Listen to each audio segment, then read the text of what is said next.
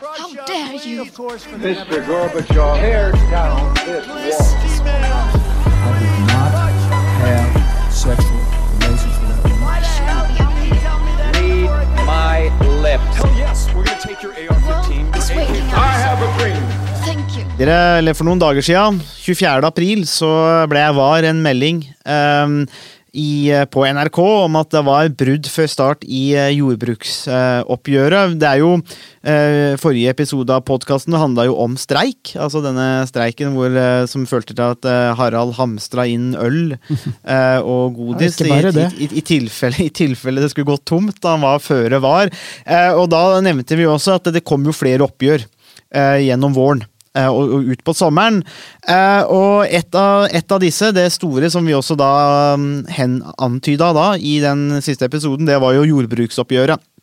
I fjor så ble det jo et eh, historisk godt oppgjør, i hvert fall det som en seier for alle parter, sånn som det blei eh, fremstilt. Um, og nå er det eh, i gang med å forhandle igjen i år.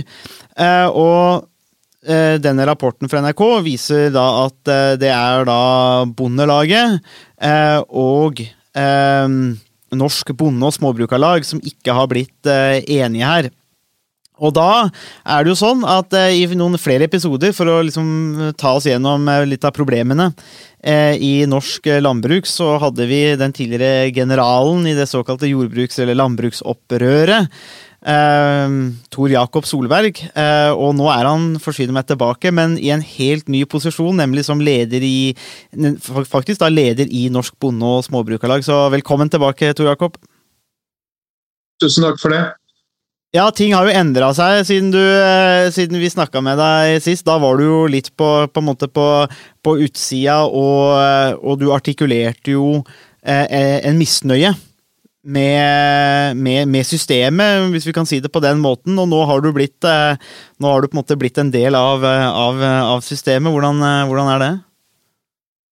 det er, eh, jeg ble valgt da 1.11. i fjor, så jeg har vært leder rundt et halvt år. Norsk Bonde- og Småbrukarlag det er jo en organisasjon som har forhandlingsrett med staten på linje med Norges Bondelag. Så det som skjedde i år, da, det var at um, vi, eh, vi, har egentlig ikke brytet. Eh, det er eh, feil å si. Vi har ikke klart å bli enige, og det er første gang på jordbruksoppgjøret sitt 73 års lange historie da, at det som har skjedd i år, skjedde. Og i praksis da, så betyr det at det er vel materialisert seg da, at det er to ulike strømninger i norsk jordbruk. Det er dem som støtter den linja som har vært, og så er det de som ønsker en ny retning. Da. Og jeg representerer de som ønsker å reformere og gå en ny vei nå, da. Hva, hva, men sånn, nå er det jo nå er det klart, Dette er jo en del av forhandlinger, og ting er jo litt sånn konfidensielt. Men kan du si noe om på en måte hva som er hva, hvor, hvor er det det butter? Ja, Der det butta i år er i og for seg Vi har jo da forhandlinger med Norges Bondelag først. Om vi starter med å forhandle ramme, da, hvor stort totalkravet vårt skal være. Og så er da prosessen at en da videre forhandler innholdet i den ramma felles. Og, og, i år så klarte vi ikke da å bli enige om hvor stor eller liten, ettersom åssen en ser det, den ramma skulle bli. Og eh, jeg kan ikke si så mye om detaljer fra forhandlingene, men det er jo lekka noe tydeligvis her og der. Så det er jo noen gjetninger da, på hva dette er. Også det som var veldig spesielt i år, da, det er jo vel i og for seg det at um, det ble mekling. Det betyr at staten ble kalla inn partene og, og, ba oss om å finne sammen. Og det klarte vi ikke. Avstanden var for stor. Og det var, var dramatisk. Jeg kjente det som et alvorlig øyeblikk. Det er ikke noen tar lett på dette her, men vi var nå enige om at vi skulle stå for det vi mener er riktig, og, og så lenge den andre parten ikke er enig i det, så, så, blir det det utfallet det blir. da. Det som kanskje er verdt, virkelig verdt å merke seg, da, som er interessant, det er jo det at uh, i veldig mange år så har Norsk Bonde- og Småbrukarlag vi har jo publisert vårt, eller offentliggjort vårt primærkrav etter jordbruksforhandlingene, og noen ganger under jordbruksforhandlingene hvis vi er litt ekstra sinte. Uh, og det er jo jo liksom våre utgangsposisjoner da, for å vise hvor, eh, hvor vi har stått hen. Og det som skjedde som var veldig spesielt i år, det var jo det at pga. at det var mekling, så måtte vi på kontoret til Will eh, Søyland. og Underveis der så er det ført eh, noen referater som er offentliggjort. og Der ligger jo da litt beskrivelser fra at en kan få litt små innblikk da i virkelig jordbrukets aller innerste hemmelige liv, egentlig. Men også var det sånn at uh, vi fikk beskjed, når denne meklinga ikke førte fram, at vi skulle skrive på to sider inn våre posisjoner, altså hvor sto vi hen. Og det gjorde både vi og det gjorde Norges Bondelag. Og pga. situasjonen så var vi ikke noe samsnakka om om eh, hvordan vi skulle sette opp det. og Det som skjedde i år, var jo det at Norges Bondelag de førte jo da opp sine posisjoner også med tall. og Det er jo det som egentlig er så interessant i år, da, at eh, Norges Bondelag har løpa hvor de sto hen i denne delen av prosessen. Og det har nok vært ganske ubehagelig eh, for de, tror vi. Fordi, og det har Bjørn Giming stadfesta også i et intervju i Klassekampen for øvrig. for fordi at Norges Bondelag liker å holde det skjult. da. Så nå har medlemmene fått se litt eh, hvilke standpunkt Norges Bondelag har. og så Vårt standpunkt er fortsatt eh, ingen som helt eh, veit, annet enn vi som er den indre kjerne. Vi har tenkt ha respekt for, for eh, utviklinga videre og ro rundt jordbruksforhandlingene og vente til etter jordbruksoppgjøret er over med å publisere det. Da. Men det som var interessant der, var jo at det kom jo fram et tall på 6,9 eh, milliarder i det Norges Bondelag hadde skrevet eh, i sin posisjon der. Og det tvingte de til å ha det som sitt krav i praksis. Og det har aldri skjedd før. og det det gjorde nok egentlig at de kom i en veldig ukomfortabel situasjon er det en del jeg hører si, da. Eh, så det har egentlig vært et ganske drama for organisasjonene, dette her, da. Ja, det er jo egentlig litt interessant den situasjonen som, eh, som man står i nå, fordi eh, den posisjonen som uh, Tor Jakob og Norsk Bonde- Småbrukarlag står for, er, jo egentlig sier jo egentlig ganske tydelig at den politikken man har ført i siden første hovedavtalen i 1950, eller når det var, Eh, den har egentlig ikke ført fram eh, og gitt den økonomiske utviklingen som eh, næringa er, er, avhengig av. Så sånn sett så er det egentlig, er det egentlig veldig interessant at man, man har fått, fått det skille mellom de to store organisasjonene i norsk landbruk. Og det kan jo også være starten på et veiskille som kanskje vil bli tydeligere. Mm. over tid også. Eh, og det vil jo være litt avhengig av hvor, eh, hva slags gjennomslag Norges Bondelag eventuelt får i de forhandlingene som, som, skal, som skal, føres nå. Mm. Så sånn sett så, så blir det veldig spennende å følge det som, som skjer framover nå. Og det vil, vil antagelig være begynnelsen på Eh, endringer innenfor eh, landbrukspolitikken, eh, og også hvordan organisasjonene forholder seg til, til politikerne. Og det har jo også vært en viss motstand mot det forhandlingsinstituttet man har hatt i norsk landbruk. Hvor, hvor enkelte partier, spesielt på høyresiden, har vært kritiske til, til forhandlingsinstituttet. Og det er jo også viktig, hvis norsk landbruk skal opprettholde eh, den eh, forhandlingsposisjonen de har, så må, så må det være forhandlinger som begge parter eh, er, er, tjent med. Og, mm, sånn sett så blir det også spennende å se hvordan et eventuelt forhandlingsresultat mellom staten og, og Bondelaget vil hva slags støtte og mottagelse det vil få i, i Stortinget når Stortinget får, blir forelagt eh, resultatet, eventuelt. Hvis, det, hvis, man får et resultat. Det kan jo også være at eh, Norges Bondelag eh, ender med et brudd eh, også, og da vil jo i utgangspunktet eh, statens tilbud være det som, eh, som blir vedtatt, og som bøndene, bøndene, da eventuelt får. Kan ikke du si noe mer om det, Tor Jakob, dette med akkurat denne forhandlingen? For det, var vel litt av bakgrunnen for dette opprøret òg, var det ikke det? Altså denne litt denne misnøyen med, ja, med hvordan man har forhandla, og kanskje forhandla seg til, dårligere til, å bli dårligere og dårligere stilt, da. Det er viktig, og det som har skjedd, da, er vel egentlig at i mange mange år da, så har vel i og for seg det vært såpass rolig rundt eh, kampen om om, om tallgrunnlaget i norsk jordbruk. For de fleste har begynt å se på dette, og så har de liksom rista på huet og gitt opp. Da. Det har vært veldig få som har satt seg godt inn i det, og det var det vi i Bondeopprøret, da jeg var en del av det, bestemte oss for å gjøre. Å bygge teknisk kompetanse innenfor et felt som er ganske sært. Da.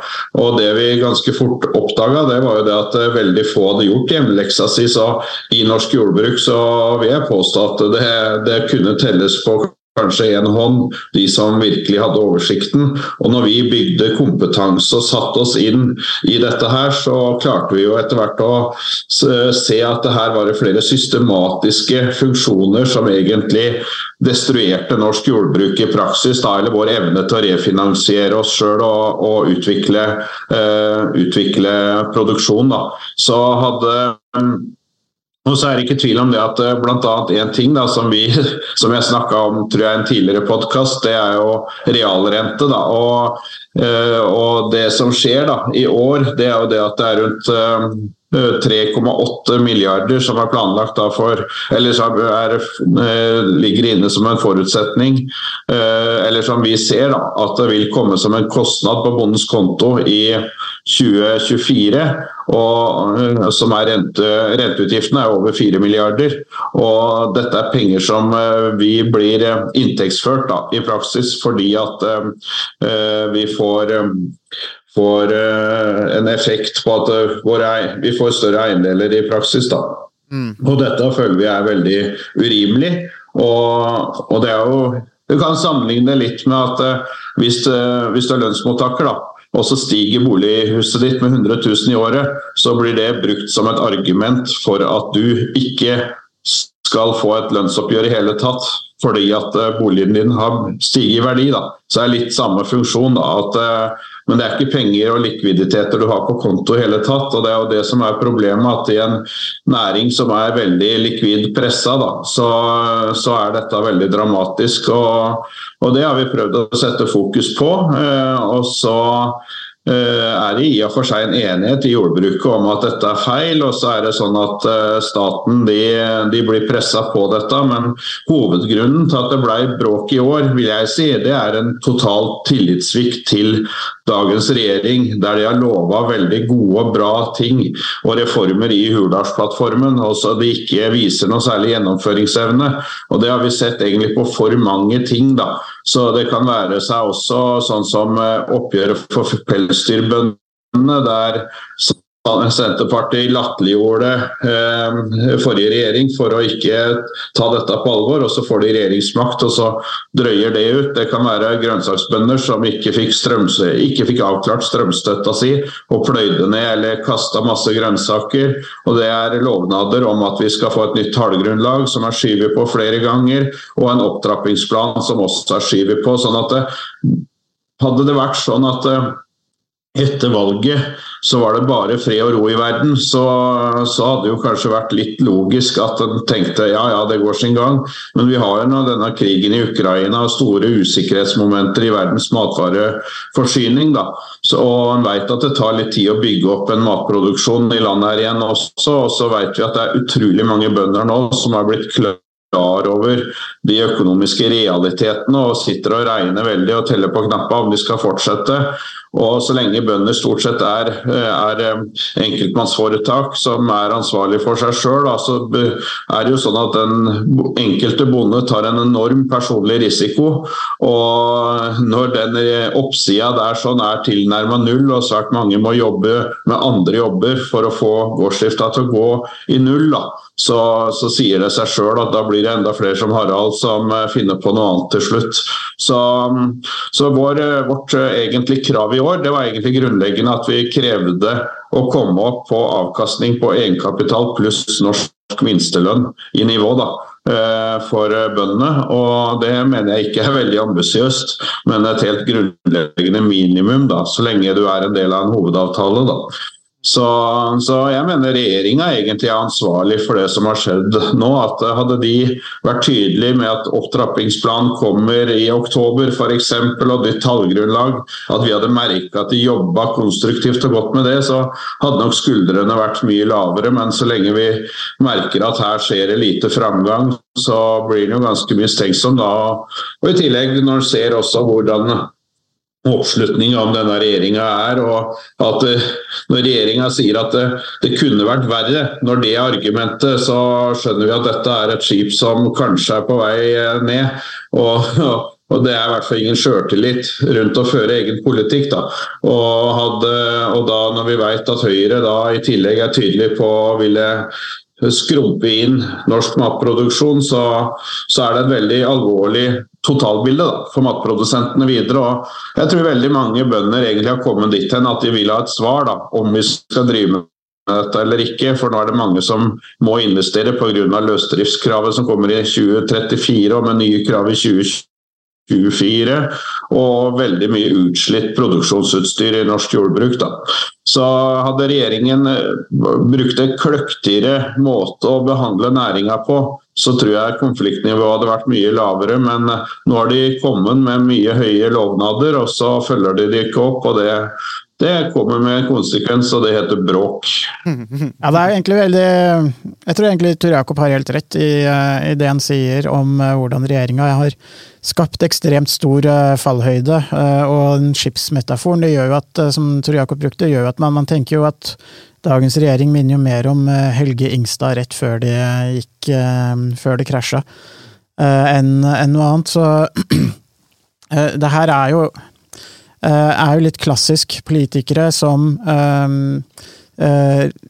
spiller opp store forventninger om at får vi, eh, får vi makt, så skal vi løse alle problemene, og eh, vi, eh, vi skal bedre økonomien, vi skal bedre lønningene i den ene og den andre sektoren. og det er klart, eh, man kan jo si at bøndene eh, har vært naive på en måte og tro på politikerne, men samtidig så er jo det Hvis man ikke kan ha en grunnleggende tillit til politikerne også, så er, betyr, så er jo demokratiet og politikken begynt å bevege seg inn i et ganske kynisk område også. Dette er vel, dette er vel egentlig det området hvor bøndene og småbrukerne og de som driver i de næringene også skulle, man skulle tenke seg hadde mest gehør.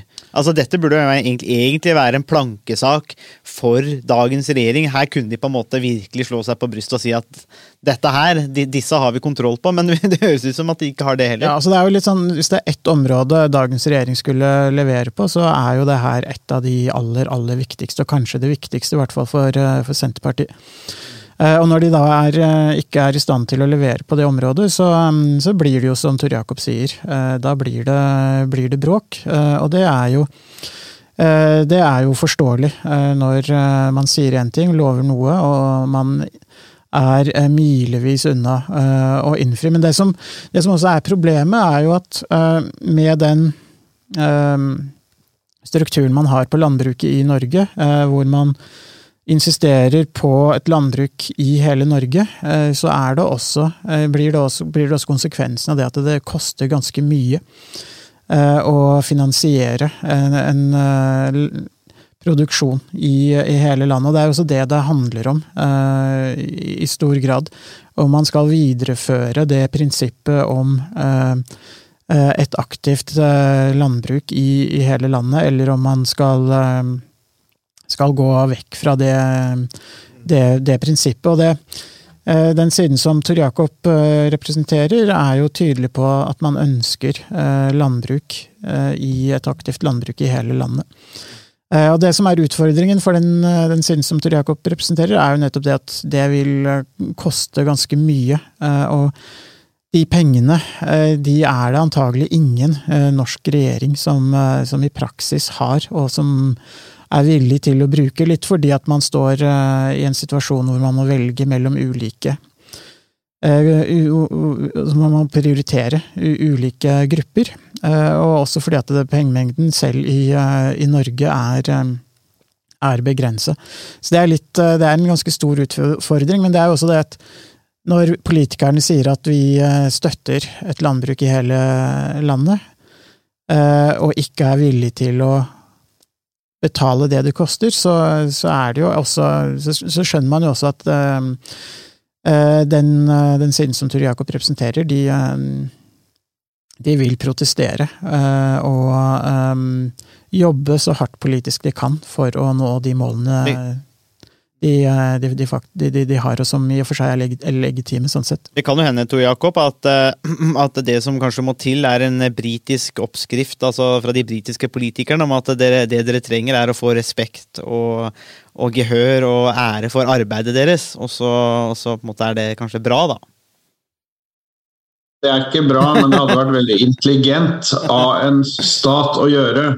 Fordi at nå har vi hatt uh, tronta... Eller um, kongen har uh, de siste åra aldri takka matprodusentene for jobben, og heller ikke politikerne i sine taler, annet enn på lavere nivå. da. Så når statsministeren holder sin nyttårstale etter et år med veldig uro i jordbruket, hadde det vært en viss respekt da, for at vi har stått eh, nå gjennom en eh, ekstremtørke i 2018. Vi har hatt en pandemi som har vært veldig krevende også for bøndene, der vi har akseptert at våre priser skal holdes nede for at eh, vi skal holde hjula i gang. Og så går vi ut av pandemien som tapere. Og Det er jo egentlig det som i og for seg viser egentlig at jeg syns det er ganske mye dårlig politisk håndverk. da, eh, møter mange steder. Altså, det hadde vært veldig intelligent, det hadde vært ganske gode renter da, på de orda der. og de kommer. Og Når vi ser så tydelig da, på Senterpartiet sitt landsmøte, som var for en, ja, en drøy måned siden ca., så var det jo da en stor diskusjon om de skulle holde ord. da, og tette inntektsgapet innen 2026. og Det ble da av eh, en, eh, ble stemt ned i Senterpartiet. De ville ikke stå for det. da. Og et parti som ikke vil stå for sine egne lovnader i valgkampen, de blir ganske nådeløst behandla. Og så er det jo det som er interessant nå, da, at eh, vi i Norsk Bonde- og Småbrukarlag vi fikk jo med oss tre sakkyndige i år. altså Vi velger våre sakkyndige sjøl etter hvem vi ønsker. og I 70 år eller hvor lenge det har vært sakkyndige til stede, så har jo det vært eh, ofte en eller annen ansatt på kontoret til disse organisasjonene som har dette som et fagfelt. Mens eh, vi bestemte oss i år for å gjøre en ny retning, og det var å ta inn eh, tidligere hærsjef og eh, leder av Røde Kors og spesialutsending til Syria, Robert Mood. Det var Jan Davidsen, som er en velkjent skikkelse i norsk arbeiderbevegelse, og Anja Bakken Riise, leder framtiden i våre hender. Da. Så de som personer, ikke som organisasjoner, ble med som våre rådgivere. Da. Og det tror jeg også kom som et sjokk for kanskje vår, eh, for eh, noen av de rundt oss. Eh, det har aldri skjedd før, men bakgrunnen er jo at vi opplever det at det er en totalt misforstått forståelse av hva norsk jordbruk handler om. Det handler jo ikke om bare bondens situasjon, det handler om suverenitet i hele landet. Det handler om at vi skal ta et sosialt ansvar for å produsere den maten vi kan, og ikke minst så skal vi også produsere bra mat som alle har råd til. Og dette er veldig viktig. Så, så, det har vært en veldig fin prosess å, å, få disse med på laget. og Jeg har veldig respekt for at de vil bruke tid på oss, men de også sier at dette er en så viktig sak for det vi står for. Så dette er, eh, det er veldig, veldig viktig ny strømning. Altså. Hvordan, så min strategi er jo i og for seg å prøve å åpne opp litt av det lukka rommet som jordbruksoppgjøret har vært, eh, der ikke noe lys har sluppet inn på 73 år. Og prøve å få inn eh, litt nytt lys da, på disse veggene. Og så får vi se litt hvilke ting som skjer videre. Men jeg frykter ikke å gå inn i en endring, for dagens system det kverner hele matproduksjonen i filler. Så, så, jeg har sagt, og det mener jeg fortsatt, at enten så får vi dette systemet til å begynne å fungere, det er mitt hovedønske. For jeg mener som et land så er det veldig fornuftig å ha en hovedavtale med jordbruket og dagens system, og det gagner også forbrukerne vil jeg si meget mye. da, fordi at eh, sånn som Under pandemien så kunne jo bøndene tatt ut en eh, veldig eh, høy pris f.eks. på noen varer i perioder.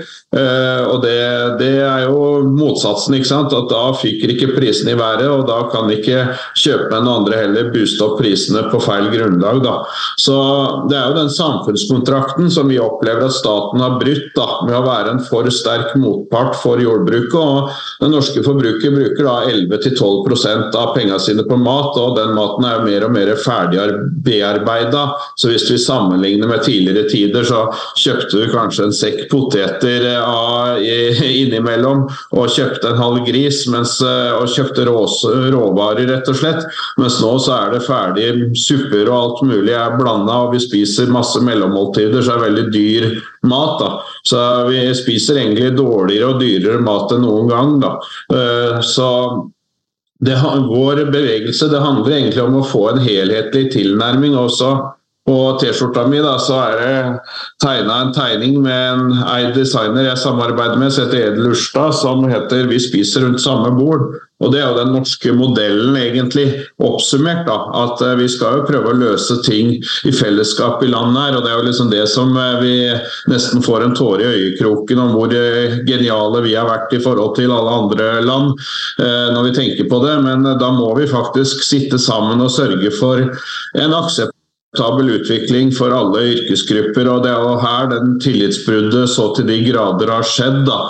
Og så NBS sitt krav i år det vil jo være en løsning på dette, der vi peker på hva som skal til for å skape nødvendig optimisme og skape bedre mangfold og bedre mat for alle. og Det er en del av en helhetlig tilnærming som vi har. da, og Det er en grunn til at eh, Robert Mood f.eks. sier at det er bedre å bruke 20 milliarder på matproduksjon enn på tanks, annet, for han har jo sett i praksis i sitt liv at et land som ikke fungerer, som ikke ikke er selvforsynt, og som ikke har den kampviljen og velfungerende infrastruktur, de er ikke noe verdt om du har de tanksa. Da.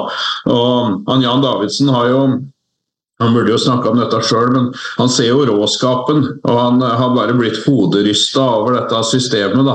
Eh, og det er liksom tankevekkende. Og Anja som en ung, fremadstående, fremadstormende miljøleder. Jeg tenker Vi i jordbruket blir ofte beskyldt for å ikke være offensive på miljøsida, men jeg mener at en kan en må på en måte tørre å ha en dialog og åpne opp og tenke hvordan vi skal forsterke det som vi ønsker, i hvert fall. Og, og, det ønsker vi å være litt modige på, da, ved å ta med henne.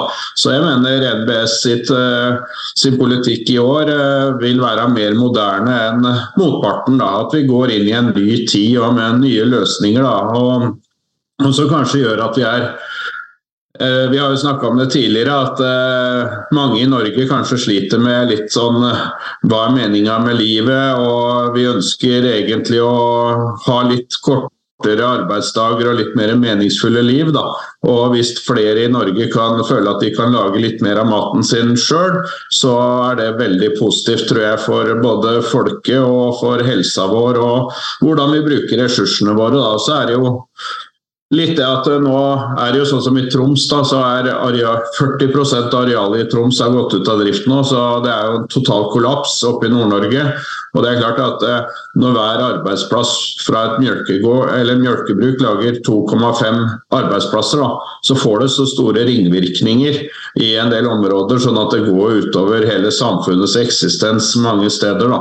Så jeg ønsker en eh, ny retning, en ny grønn eh, inn i norsk eh, matproduksjon, der vi ser på mangfold og, og utvikling og tør å liksom tenke nye moderne tanker for norske bygder. Da. Det er veldig offensivt. Og så Jeg har snakka med Jan Ludvig Andreassen, og han sier også det at mye av inflasjonen og prisveksten i Norge skyldes jo egentlig urbaniseringa og ekstremt dyre infrastrukturprosjekter da, som kanskje ikke hadde vært nødvendig. For vi, vi, har jo infrastruktur til alle folk i Norge.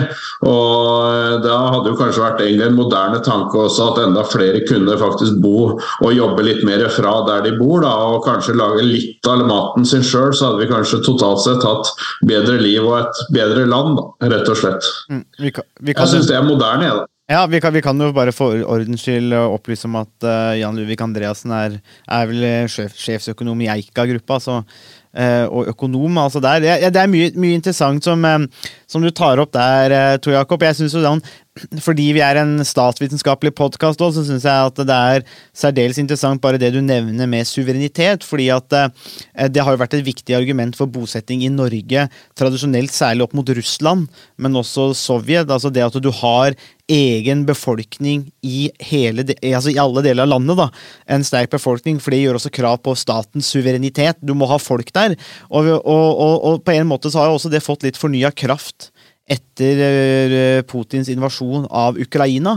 Eh, fordi at det klart Blir det avfolka opp i nord, la oss si det, da, bare sånn rent hypotetisk, så er jo kanskje veien kortere inn for en mann som Putin til å ekspandere og gjøre krav på området altså hvis det ikke er befolkning. Vi ser jo at det blir utnytta i Krim, men også i Donbas-regionen. slik at dette med suverenitetsargumentet som du faktisk tar opp, det er jo egentlig en gammel det er jo faktisk en ganske, en ganske gammel vurdering som har blitt gjort av staten Norge for å sikre suverenitet. Så det er ikke noe det, så rent der så syns jeg egentlig det er ganske interessant. Og så er det jo dette med, med dagens regjering. Altså, eh, det er jo Altså, de går jo på, på, på tap på tap, egentlig. Eh, og jeg tenker jo at det store problemet er jo som du har vært inne på, at de, man har lovt for mye. Og en annen ting som jeg da tenker på, er jo litt det der med at eh, hva kunne ikke alle de hundre millionene som de nå bruker på å presse gjennom f.eks. tvangssammenslåing eller oppløsning av Viken, eksempel, som folk gir totalt blaffen i, og som ingen har bedt om Det var ingen som ba om Viken, det var nå én ting, men det er ingen som har bedt om å reversere Viken heller. Og eh, jeg har jo hatt noe innsikt i Senterpartiets eh, arbeid, eh, og det er jo påfallende for meg, og jeg hørte det på landsmøtet, for jeg var jo til stede på landsmøtet til Senterpartiet i, i en litt annen kapasitet, men jeg, jeg, fikk noe med meg en del. Og det er påfallende hvor fornøyd man er med, med, med seg sjøl, altså i Senterpartiet, ved å, å, reversere Viken. Og jeg tenker jo at det er jo, et, altså det er jo dårlig politisk håndverk. Og når man skal fordele ressurser, så hva kunne ikke alle de 100 millionene gjort f.eks. i en annen sektor? da? Eh, f.eks. jordbruket, hvor hvor, hvor kjernen ligger.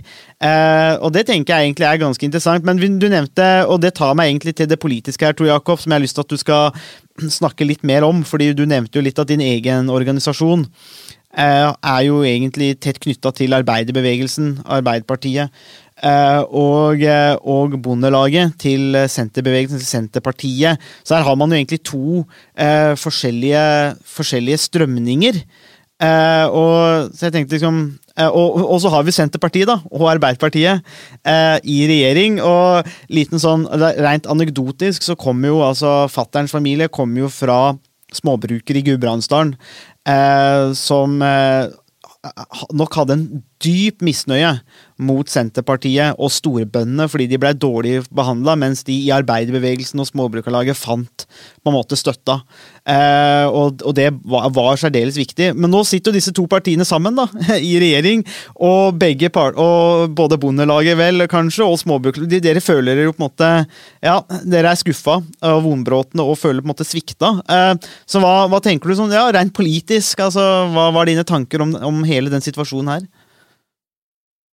Nei, jeg tror jo at dette kan få en mye større innvirkning på regjeringa eh, når dette kommer til behandling i, i Stortinget, da. Og det skjer ute i juni, da. Fordi at uh, småpartiene, de, uh, de, er jo noen luringer.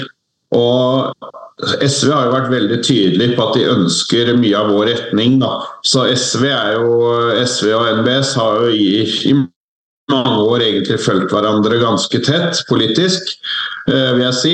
Og, og så er jo Arbeiderpartiet De har ikke ment så ja, de hadde jo Sandtrøen var jo en veldig tydelig egentlig og ganske populær eh, politiker i Arbeiderpartiet eh, i, sett fra jordbrukets side. da. Men nå er det Per eh, Vidar Kjølmoen som eh, er landbrukspolitisk talsmann. og og det blir spennende å se, egentlig. Jeg tror det sies da at det er Senterpartiet som liksom skal styre jordbrukspolitikken, og så skal Arbeiderpartiet styre arbeiderpolitikken i en av regjeringa. Det er jo kanskje ikke akkurat noe rakettforsking å gjette seg til det.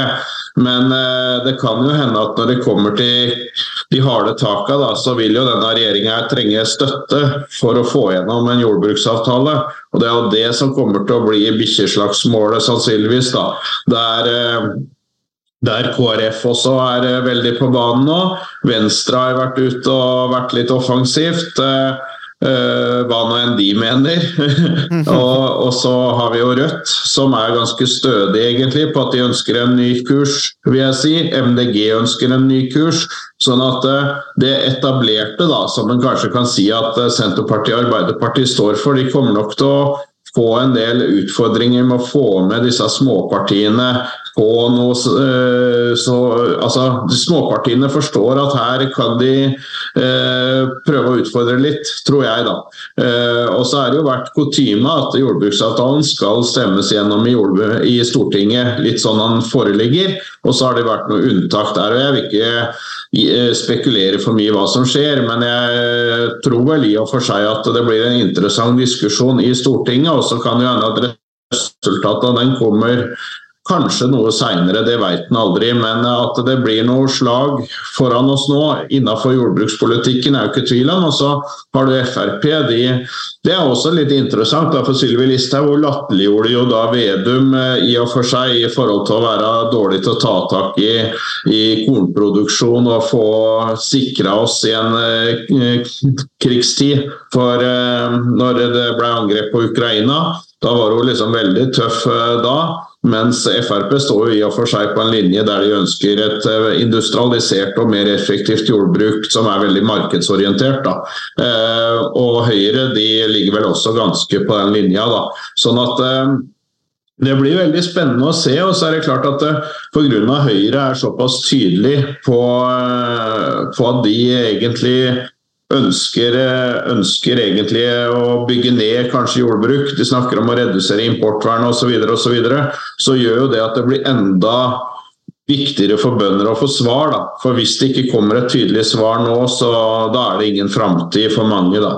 Så, så det blir veldig spennende tid utover. Og det kan jo også ja, Det blir spennende å se, rett og slett. Eh, så Én ting er jordbruksoppgjøret, hva det havner på, men det er nok den behandlinga i Stortinget etterpå som også kan, der partiene må liksom litt vise hva de faktisk står for, da, som eh, blir en interessant eh, hendelse. Og det er klart at hvis, hvis regjeringa ikke får med seg noen på dette, så, så har de jo ikke noe flertall. Så, men jeg skal ikke si at det nødvendigvis er sannsynlig, men at jeg tror disse småpartiene de har nok ikke tenkt å selge seg så billig. da.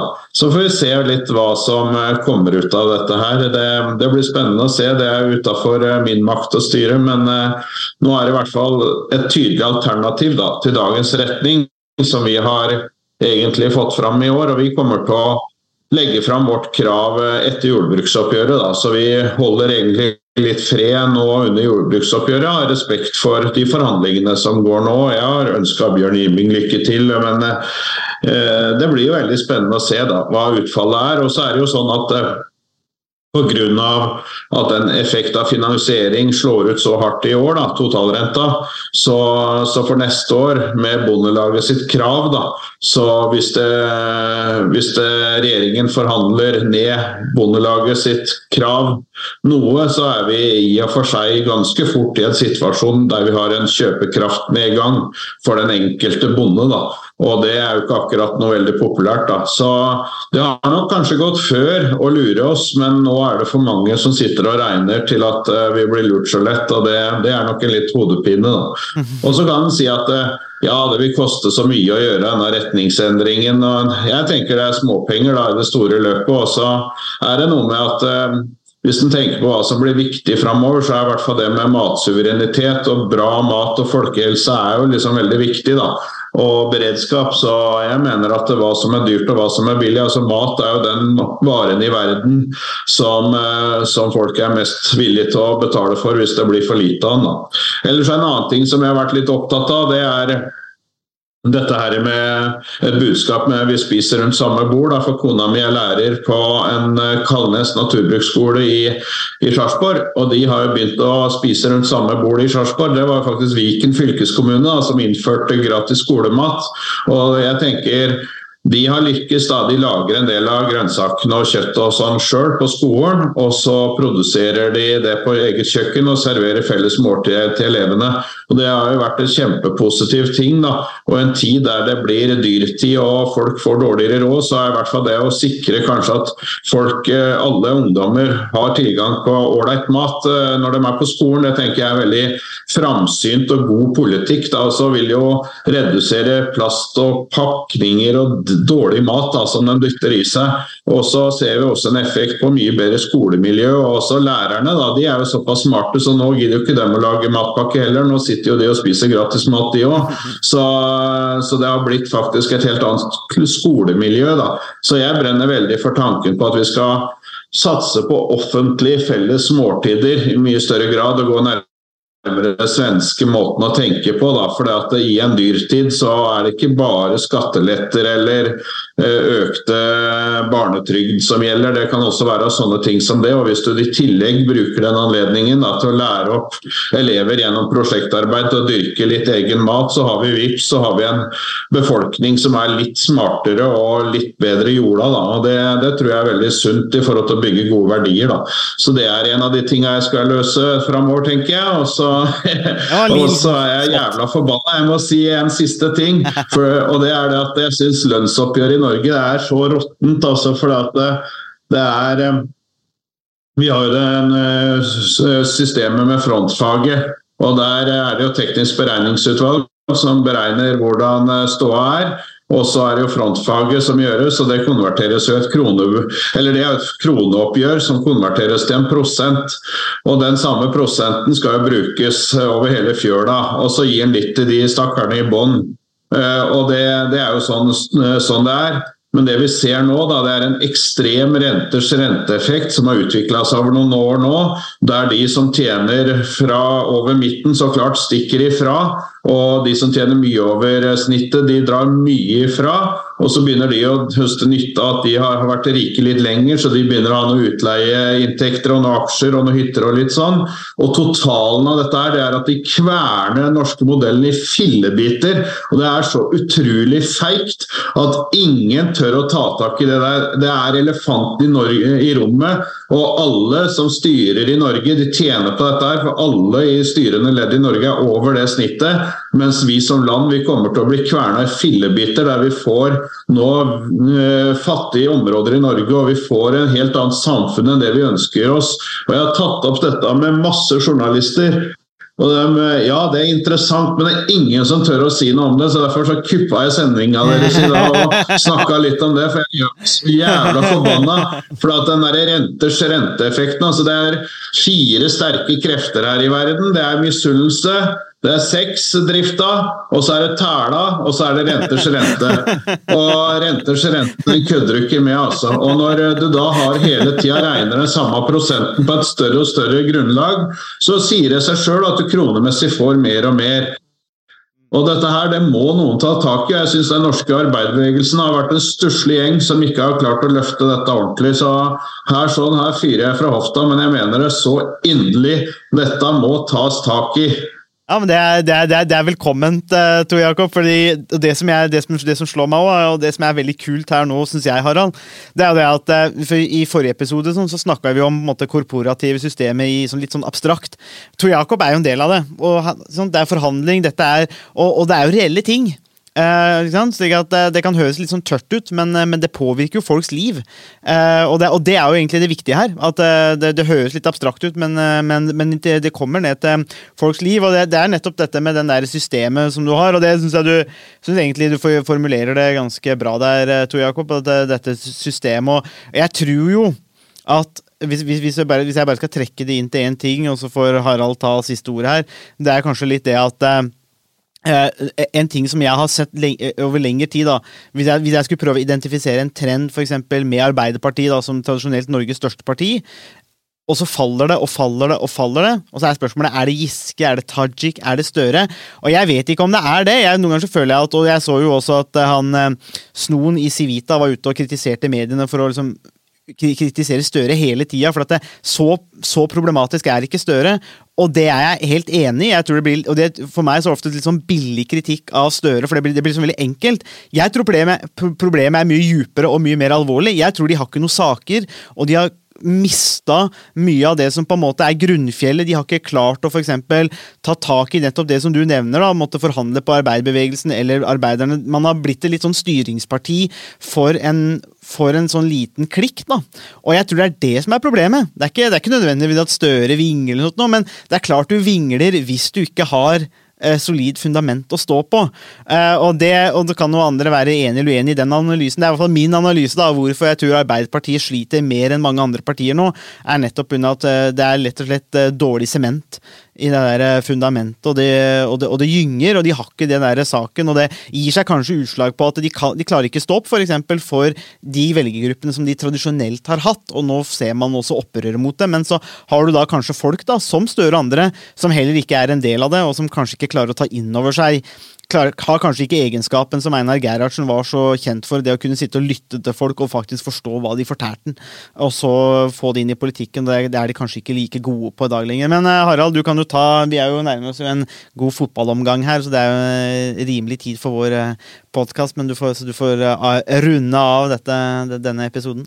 Ja, bare for å fortsette på det um, både Tor Jakob og du var inne på, Sondre, så du kan jo si Arbeiderpartiet og Jonas Gahr Støre de er jo et parti nettopp kanskje for den gruppa som, eh, som dere har kritisert, og det er jo også reflektert i meningsmålingene, hvor de ligger på eh, 16-17 eh, omtrent, eh, i hvert fall eh, i lengre tid nå. Eh, og det er jo kanskje størrelsen på den gruppa som Tor Jakob kritiserte, og som, og som du også var inne på, på Sondre. Så Eh, de, det er jo altså Man kan si at politikere er udugelige, og de, eh, man skulle hatt bedre politikere. og man skulle hatt en statsminister som var mindre vinglete og mindre tåkete osv., men til syvende og sist så handler de lange trendene om, i politikken om politikken, selve politikken og innholdet. Eh, og politikerne og politikken og partiene må levere, og det er mange som opplever at Arbeiderpartiet ikke har, har levert, og det er jo til syvende og sist eh, grunnen til at de sliter på meningsmålingene også. De, eh, de, de, de leverer ikke, og de, innfrir ikke det de, eh, det ønsker. Og da får de, får de som fortjent, og da får de eh, bråk med Tor Jakob Solberg, og det er Skal ikke skimse av det i det hele tatt. Jeg skal ikke kimse av det, så de får bare passe seg.